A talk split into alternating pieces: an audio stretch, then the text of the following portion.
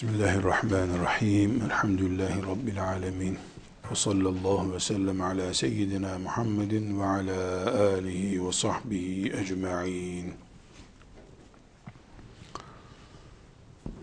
Zekatı e, kimler verecek ya da zekat kimlere farzdır sorusunun cevabından sonra temel ihtiyaçlar düşülünce zekat verilir diye bir e, madde de ilave ettik. Şimdi bir soru gündeme getirelim. Bir Müslüman zekatını nasıl hesaplayacak?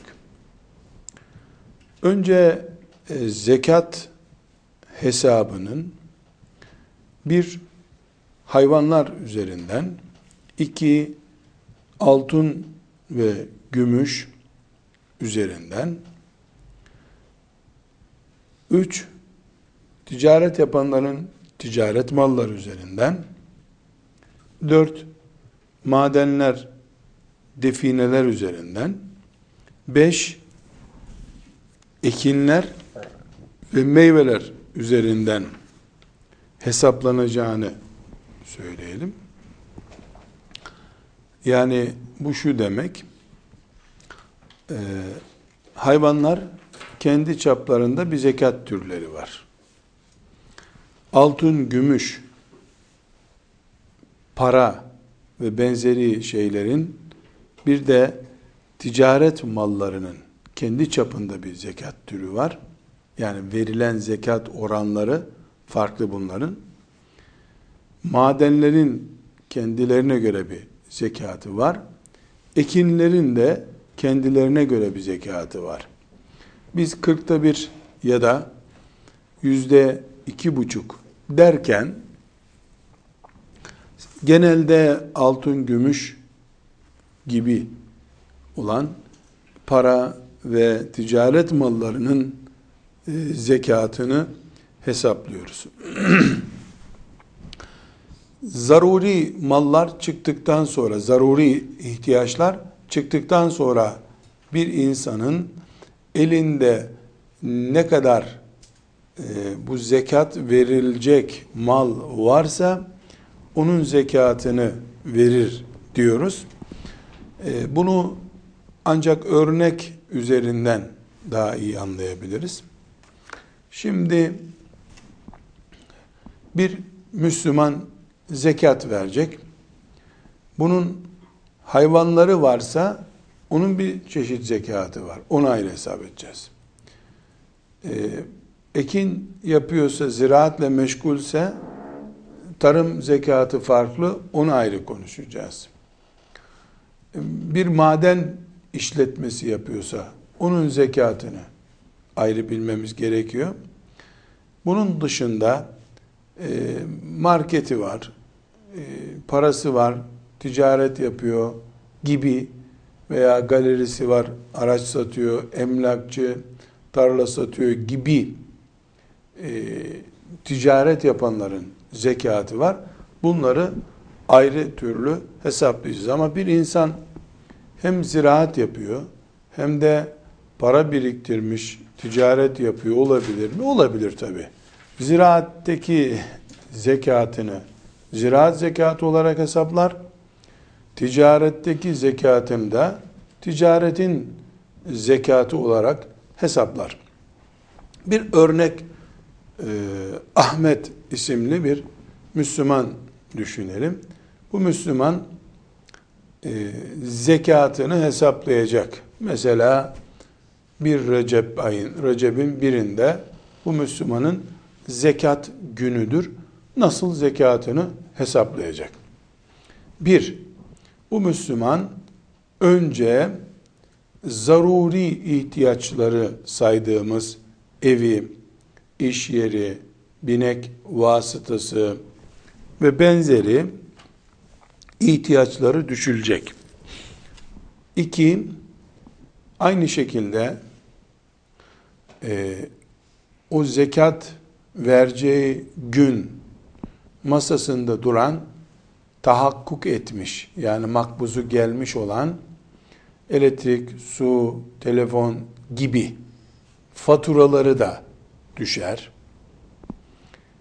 Artı üçüncü husus borçları varsa o borçları da eksi olarak yazar ve düşer. Neler borç olabilir? Ee, altına ödeyeceğim diye imza attığı her şey borçtur. 10 ay sürecek bir ev taksidi olabilir. Veya 20 e, ay sürecek bir arsa satın almıştır zimmetinde. E, onun borçların toplamı yani senet veya çek neyse imzalamıştır. Bunların toplamı ne kadar tutuyorsa mesela her ay 100 100 ödeyecek toplamı 10 ayda 1000 tutuyor. 1000 lirayı ödeyeceğim diye imza attığı için borç kabul ediyoruz ve elindeki sermayeden, paradan, birikimden düşüyoruz. Bu e, mesela abisinden elden aldığı, elden denen yani böyle bir senetsiz, çeksiz aldığı borç da olsa böyledir. Devletin ona e, kestiği şu kadar vergi ödeyeceksin diye bir vergi de borçtur. E, aynı şekilde ticaret yaptığı için işte arsa aldı, ev aldı, iş yeri aldı. Onun şu kadar zamanlık borçları var. O borçlar. Bütün borçları düştük. Ondan sonra elimizde kalanları bakıyoruz. Elimizde 100 e, bin kaldı. 100 bin. E, bir de filancaya verdiğimiz bir borç var. E, onun da makbuzu senedi neyse elimizde. 3 bin de o. 103 bin. Bu Müslümanın 103 bin lirası var. Mesela kabul ettik. Ne zaman 103 bin lira dedik? Faturalar dahil, senetler, çekler, ödemesi gereken nesi varsa toplamını e, çıkardıktan sonra elimizde ne var ne yok ona baktık. Ama e, bu Müslümanın e, herhangi bir şekilde böyle bir hesap yapmadan e, mesela müteahhiti olan işte ev borçlarını düşmeden, araba almış arabanın taksitlerini düşmeden, faturaları düşmeden mesela 160 bin lirası vardı. Şimdi bu Müslüman aç kasanı bakalım dendiğinde kasasında 160 bin lira para var. Ama biz bunun müteahhiti olan borçlarını, galericiye olan araba borçlarını, devlete ödeyecek diye tahakkuk etmiş vergi borcunu, yani kasasından çıkması kesinleşmiş borçlarını toplayıp düştüğümüzde 103 bin lirası kalıyor. Biz şöyle bir kural söylüyoruz. Bir Müslüman ödeyeceğim diye imzaladığı veya söz verdiği şey artık onun değildir. Onun kasasında o emanet gibidir. Evet kasasında 160 bin lira para var. Ama bu 160 bin liranın 57 bin lirası filan filan filan borçlarını ödemek için bekliyor aslında. Şeriatımız borcu olanın borca karşılık gelecek kadar malını onun saymıyor. Evet bu ayın 15'indeyiz. Sen 25'inde ödeyeceksin.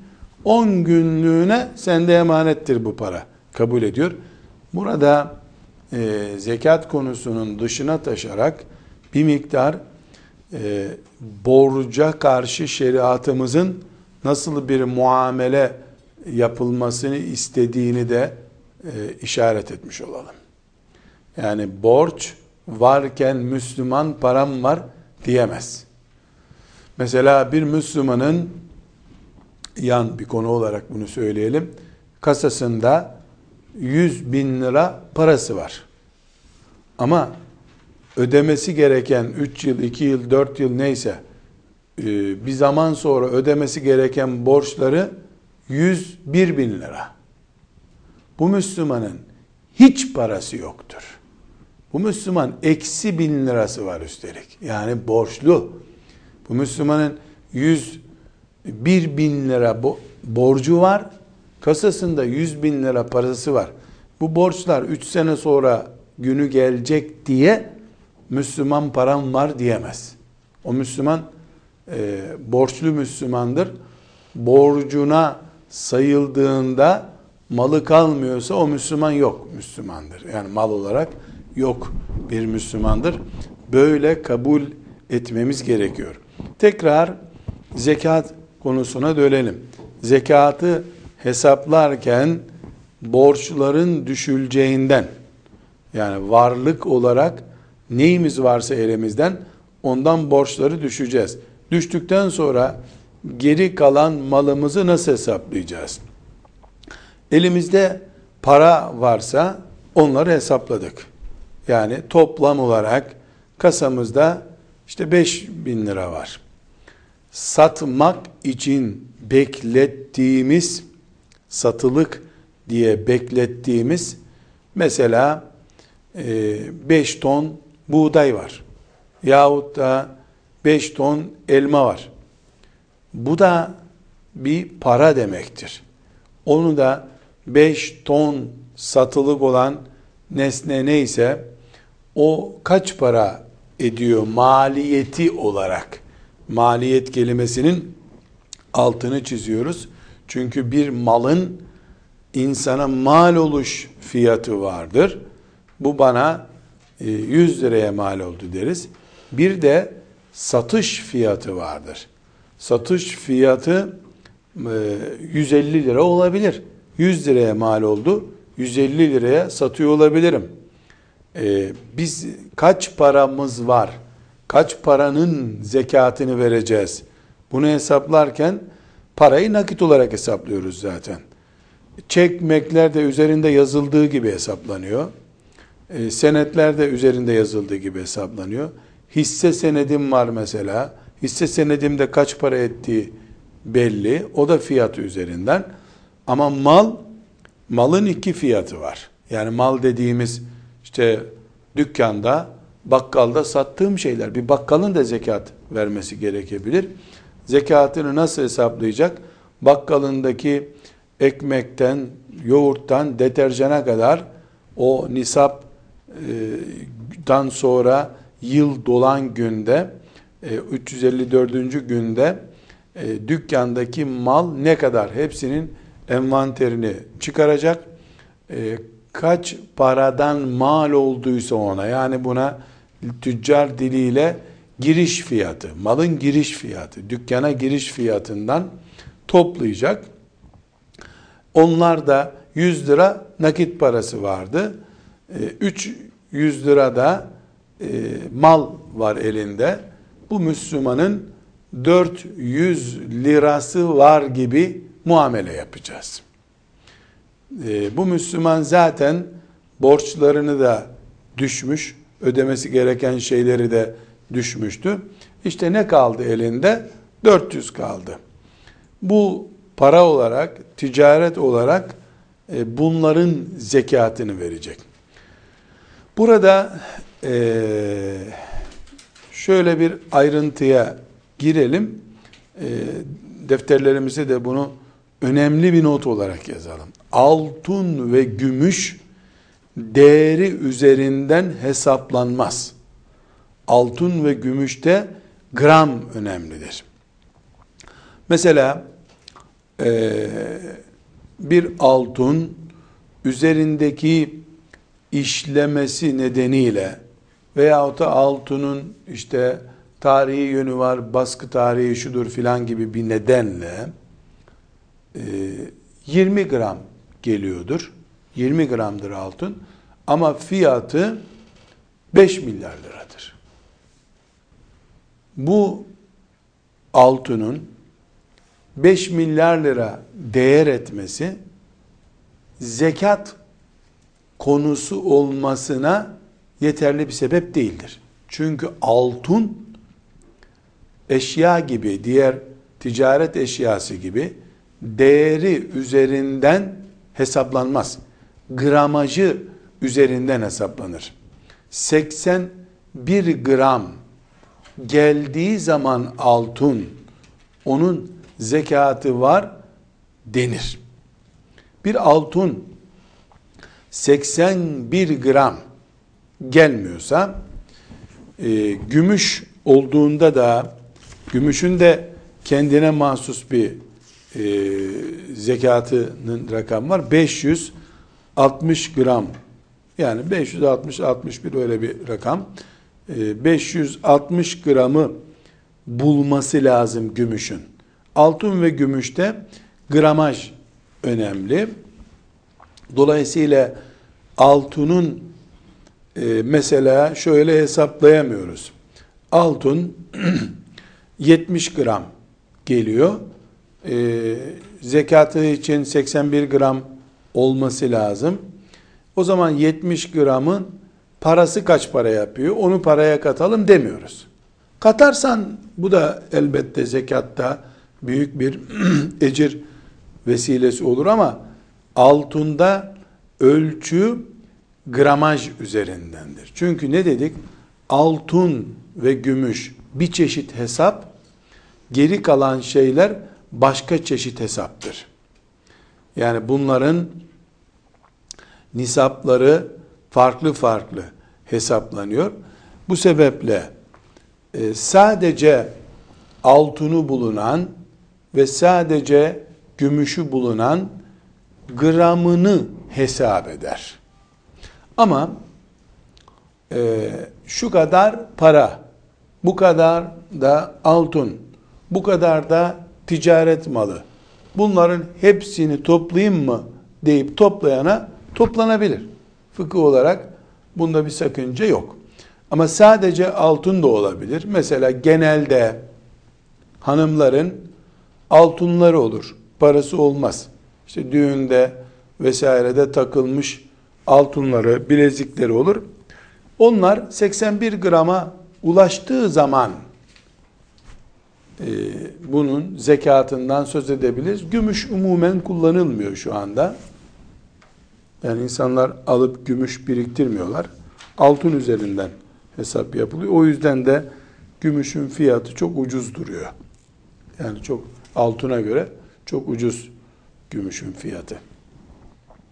Demek ki bir Müslüman zekatını hesaplarken altın ve gümüşü gramıyla hesaplayacak ona zekat farz olsun diye. Diğerlerini de değer olarak hesaplayacak. Bu değerde ölçü ne? Baraj nasıl belli olacak? 81 gram altının fiyatı kadar fiyat diyeceğiz. Altın yok elimizde. Ticaret malı var, para var. Biz zekat nisabına ulaştık mı? 81 gram altının dengi nasıl oluşacaksa fiyat olarak ona diyoruz ki sen 81 e, gram altın mesela 10 e, bin lira yapıyor diyelim. 10 bin lirası var mı ona bakacağız bu sefer. E, altın ve gümüşün dışındaki zekat mallarını nisaba ulaşıp ulaşmadığını görmek için. Tekrar e, hesap yapalım. Bir Müslüman e, zekat nasıl verecek ya da e, Müslümanın zekatı nasıl hesaplanacak?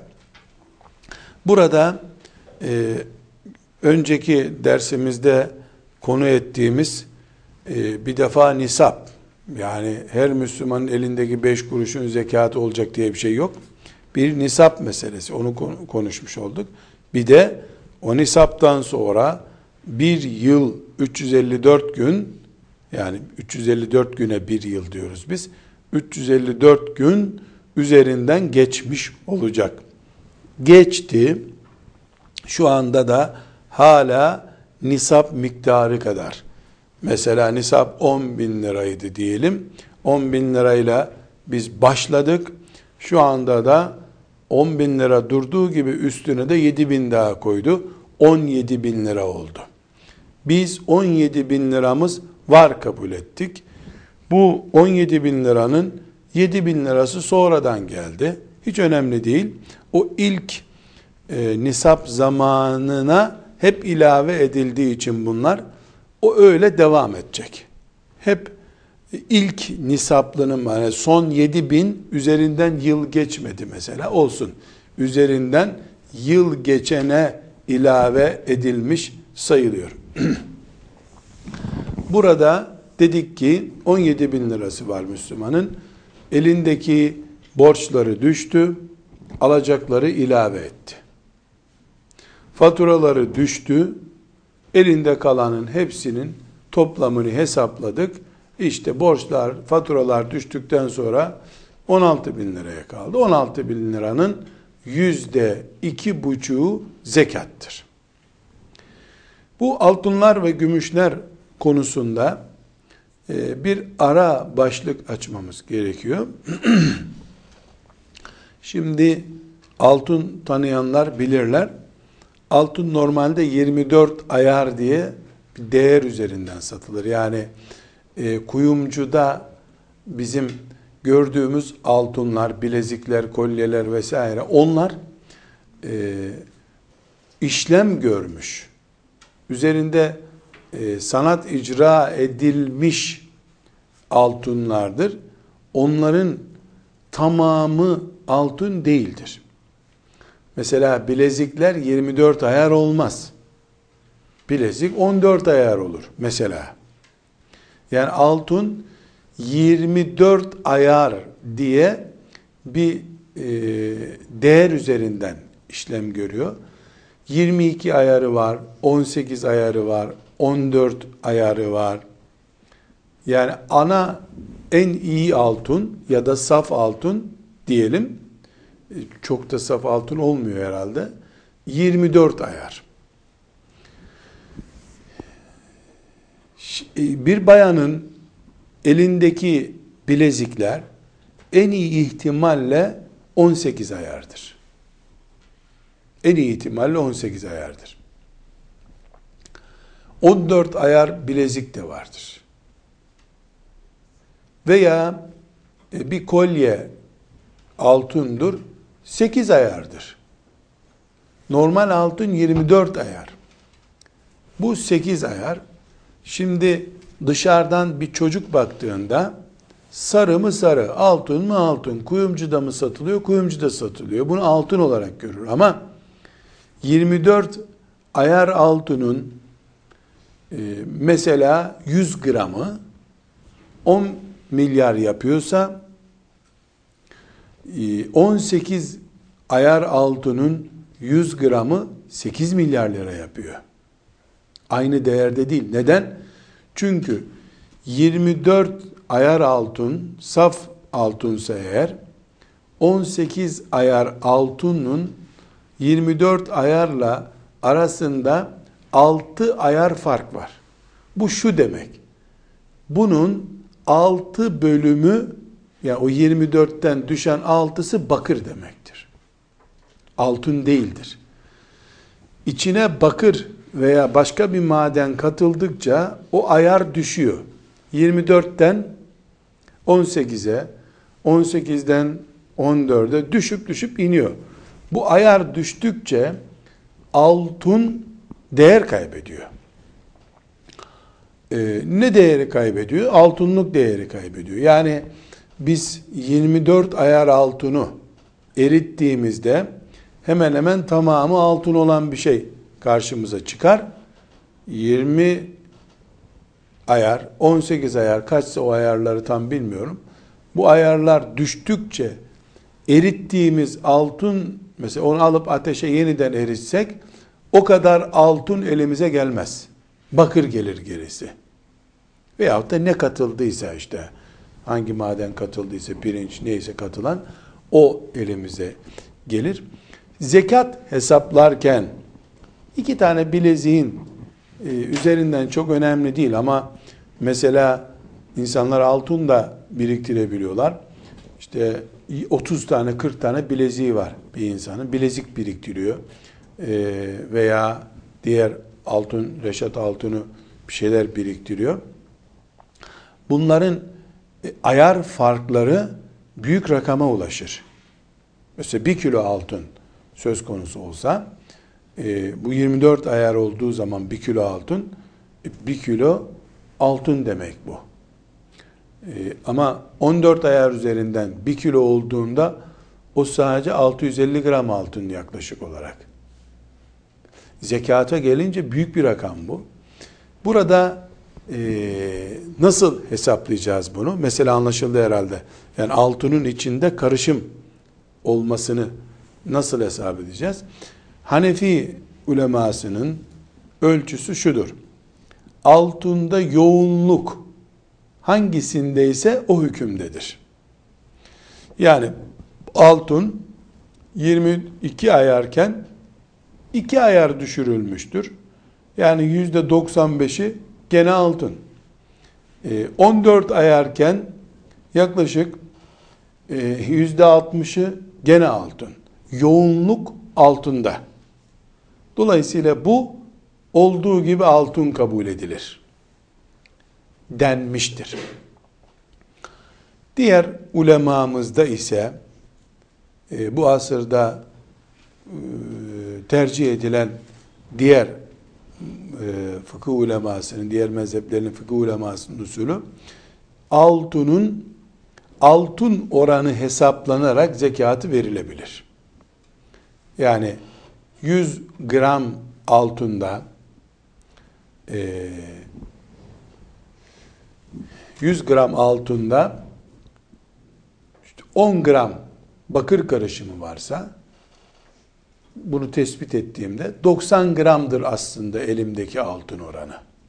90 gram olarak bunun zekatını veririm demişlerdir.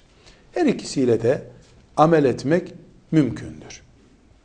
Ama illa Hanefi mezhebine göre hareket edilecekse ki bir insan durup dururken mezhebinde e, oynaması bir gayri ciddiliktir. O zaman ne yapar Müslüman? E, elindeki bilezikler normal altın 24 ayar. Onun elindeki bilezikler 18 ayar. Bunları hiç ne kadar altın ne kadar gümüştür diye aramaz.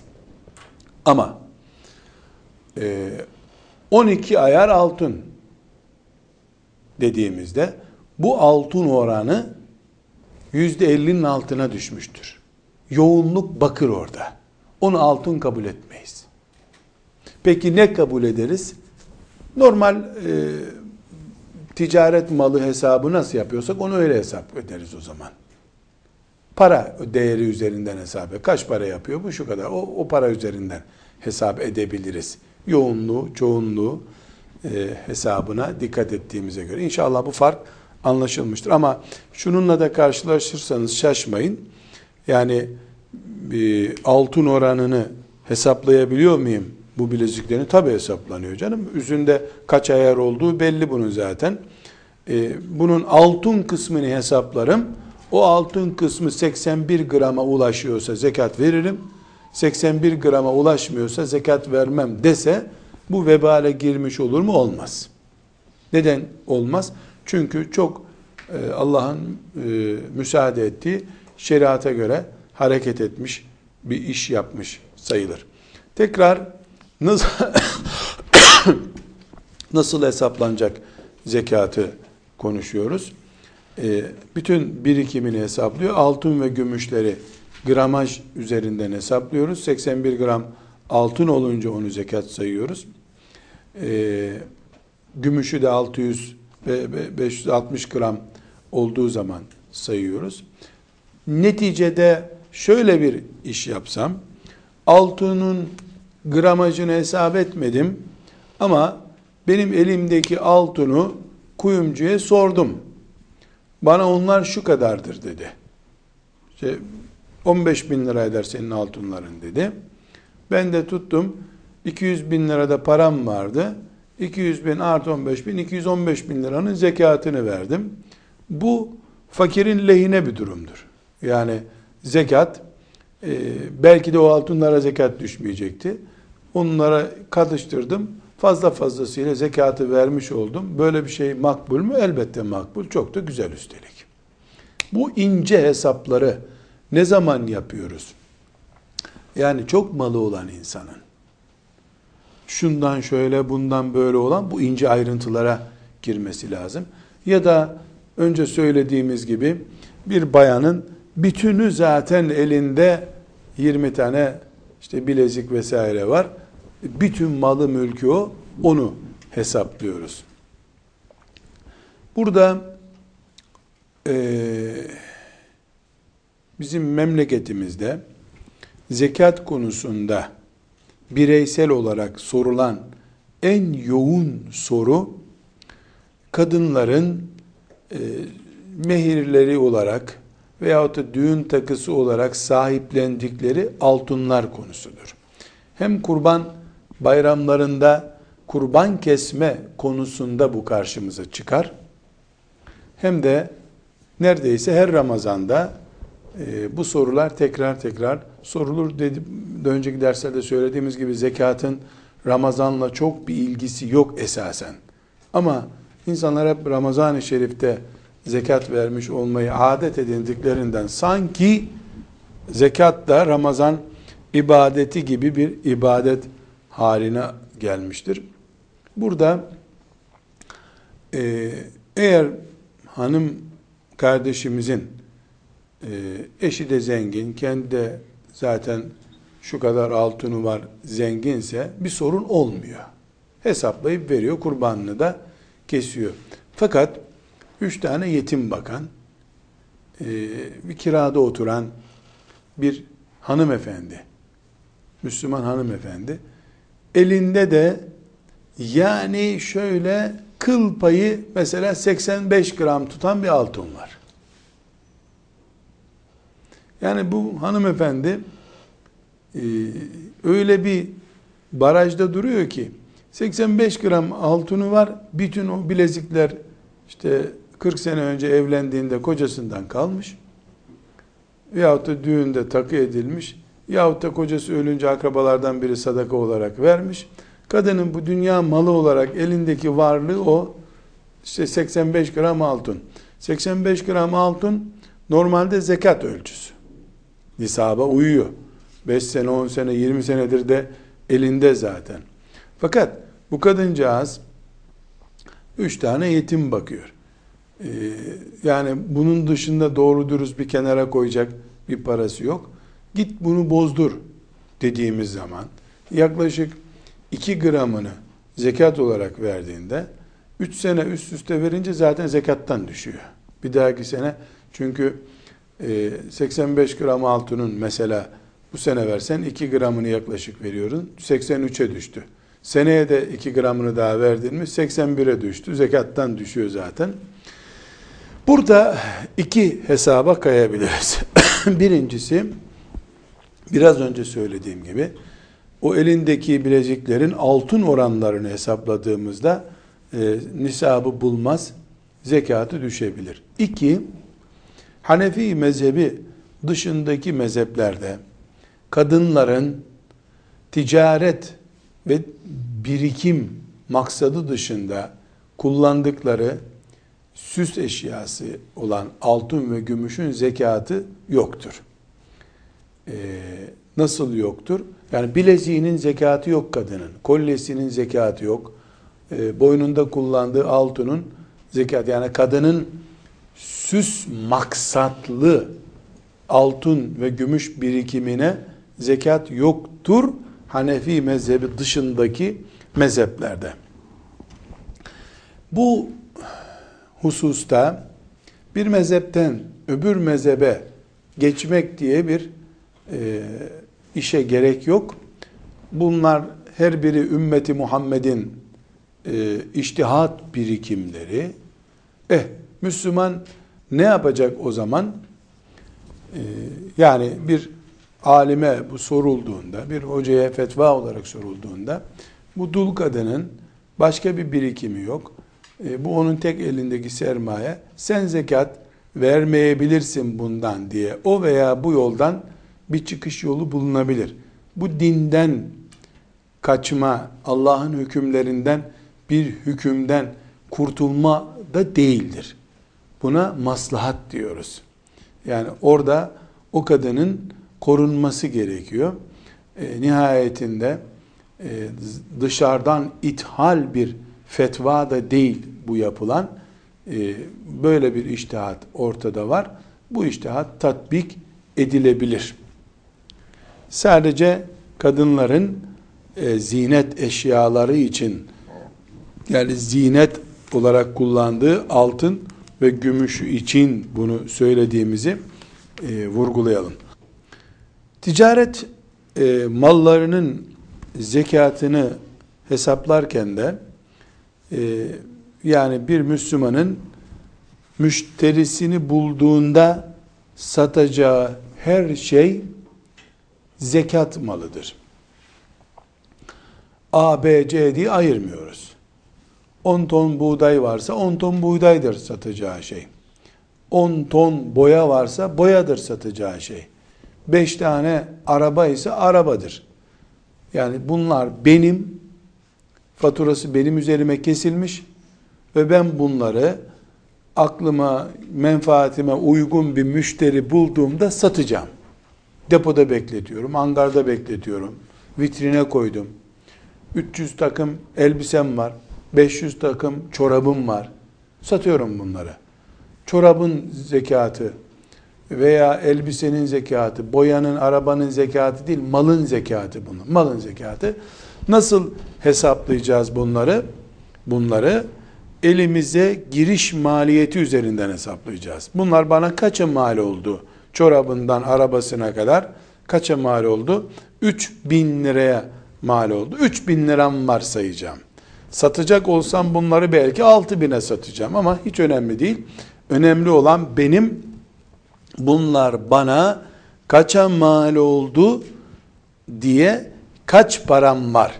Zekat vermekle mükellef olduğum kaç param var? Onu hesap etmem, etmek istiyorum. Zekatta ayrıntı bu. Bu şekilde bir hesap yaparak e, kaç parası olduğunu hesap edecek malı üzerinden.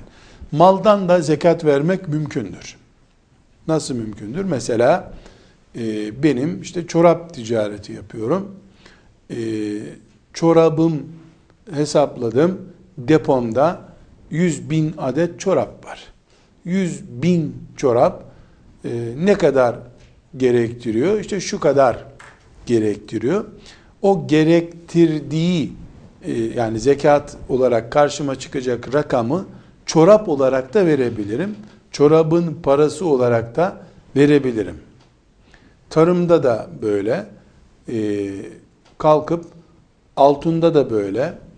E, onun yani zekat gereken şeyin kendisinden de zekat verebilirim. Mesela 10 ton e, diyelim elmam var tarım mahsulü olarak. E, bunun işte şu kadarı zekattır kasalara yükleyip onları zekat olarak da verebilirim. Parasını da verebilirim. Zekat mal üzerinden verilirken mesela çorabı zekat vereceği zaman Müslüman zekatın ne kadar olduğunu hesapladığımızda maliyetinden hesaplamıştık. Faturası üzerinden. Ama verirken piyasa fiyatı üzerinden hesaplayıp zekatı veririm.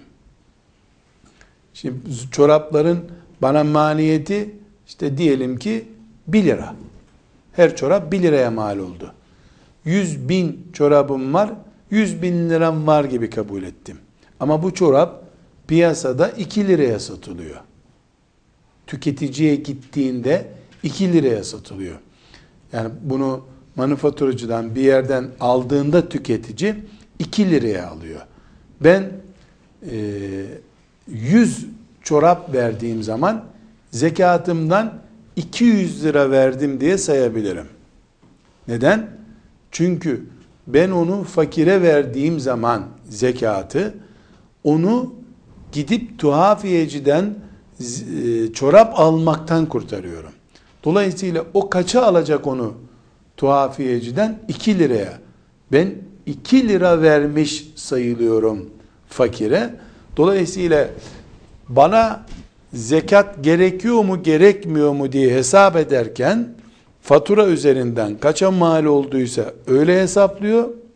Ama zekatı fakire mal olarak, para değil de mal olarak vereceği zaman zekatın e, hesaplanmasında maliyet fakire tesliminde de piyasa fiyatını hesap ediyoruz. O şekilde veriyoruz. Genelde bu zenginlerin, zekat verecek zenginlerin lehinedir.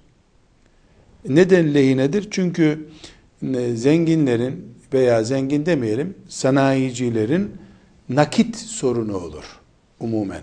Yani deposunda e, bir hesap makinesiyle zor hesap edilecek kadar malı mülkü vardır. Çıkar cebindeki parayı desen şöyle bir bakkala gidecek kadar para olmayabilir yanında. Bu fakirliğinden değil. İşte işçisine maaş veriyor, borçlarını ödüyor derken nakit bulunmuyor. Depo mal dolu ama. Fakat o mal insan doyurmuyor şüphesiz. Yeri geldiğinde para da insan doyurmuyor.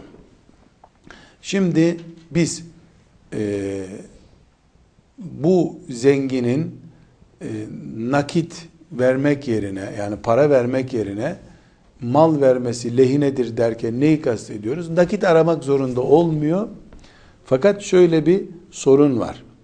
Aç bir fakire zekat verirken bir zengin e, mesela boya ticareti yapan bir insan düşünelim.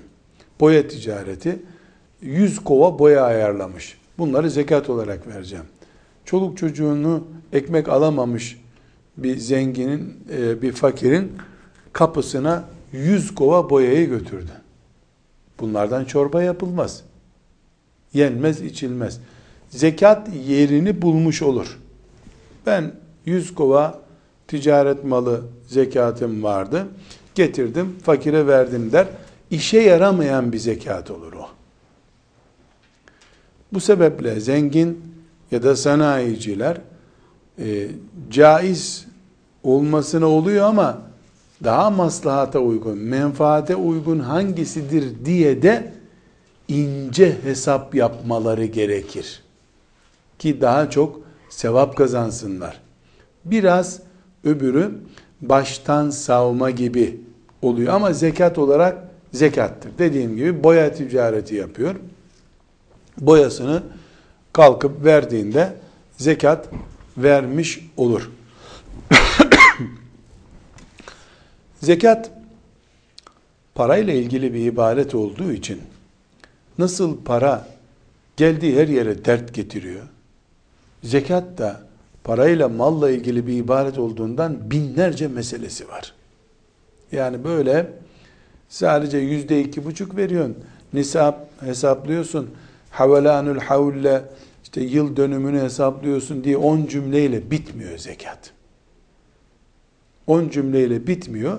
Zekat derin meseleleri var. Biz burada şöyle ana uçlardan dokunuyoruz. Ama inşallah ileriki derslerimizde zekatın ayrıntılarına gireceğiz. Yani muasır bu yaşadığımız çağda ekonominin gelişmesiyle, e, ticaret alanlarının büyümesiyle, fakirliğin tip değiştirmesiyle zekat da alternatifi çok olan sorunlarla karşılaştı. Bunlarla ilgili fıkıh konseylerinde ciddi ilmi münakaşalar yapılıyor. Kimi hakkında kararlar verildi.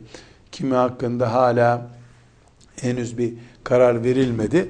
Bunlarla ilgili böyle derli toplu bir e, sonuca ulaşılan meseleler var. Onlara farklı açılardan temas edeceğiz inşallah. Demek ki bir Müslüman elindeki paralar açısından veya ticaret yapıyorsa ticareti açısından, sanayici ise sanayisi açısından zekatını nasıl hesaplayacak bunu konuşuyoruz. Sanayiciler açısından bir ayrıntı daha var. Mesela e, diyelim ki çorap üreticisini örnek aldık. Çorap üreticisi işte deposunda 100 bin çorap var. Malını hesaplarken 100 bin çorap benim depomda var diye onu para gibi hesaplıyor maliyeti olarak. Bir de bu adamın deposunun yan tarafında da 5 ton ip var. Bu ipi de çorap örmek için kullanacak. Şimdi bu Müslüman elinde çorap var, çorabı mal olarak hesaplıyor. Ama yarın çoraba dönüşecek ip de var elinde. O ip de para. O ipi götürüp peynir ekmek gibi piyasada satabilir. Para o. Dolayısıyla o ipin de maliyeti kaç para ise 5 ton ip var mağazasının e, deposunda. 5 ton ip işte e, 500 bin lira yapıyor. 500 bin lirayı para olarak yazacak.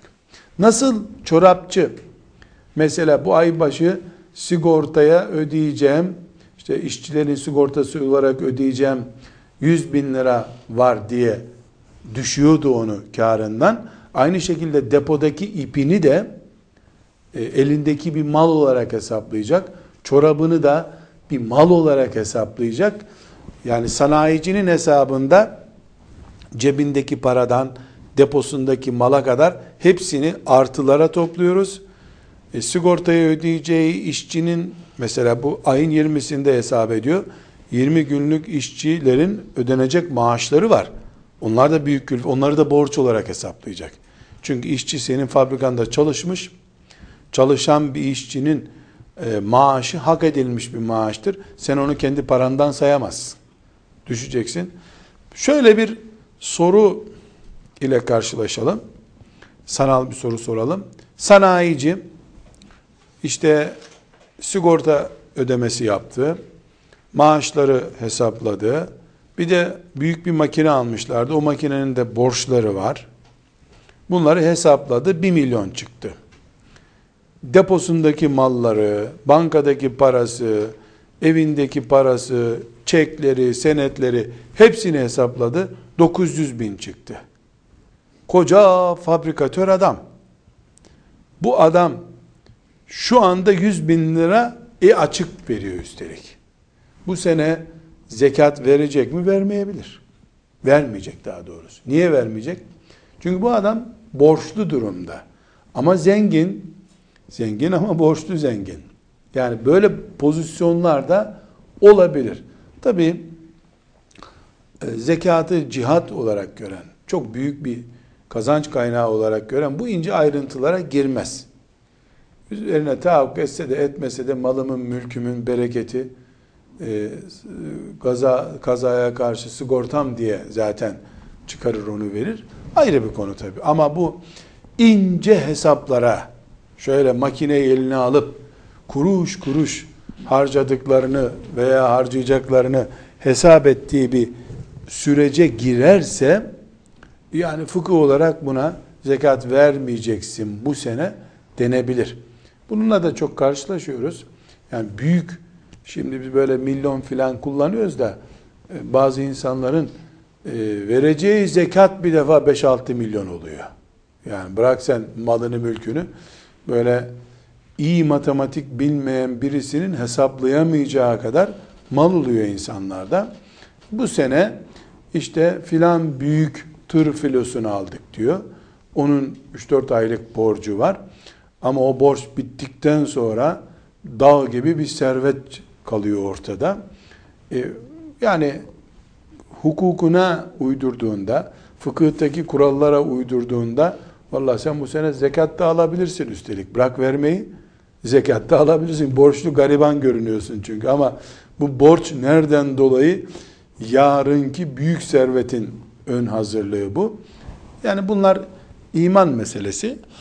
Ama fıkıh kaidesi olarak e, bir insan alacaklarını, vereceklerini, yatırımını vesairesini topladıktan sonra sıfır görünüyorsa sıfırdır bütçesi.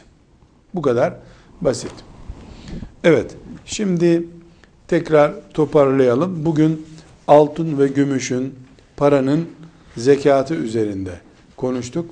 Altın ve gümüşün e, karışım olması halindeki nesnesi de değeri üzerinde konuştuk. Altın ve gümüş ve diğer ticaret vesaire malların e, birleşmesi halinde ne yapılacağı üzerinde konuştuk.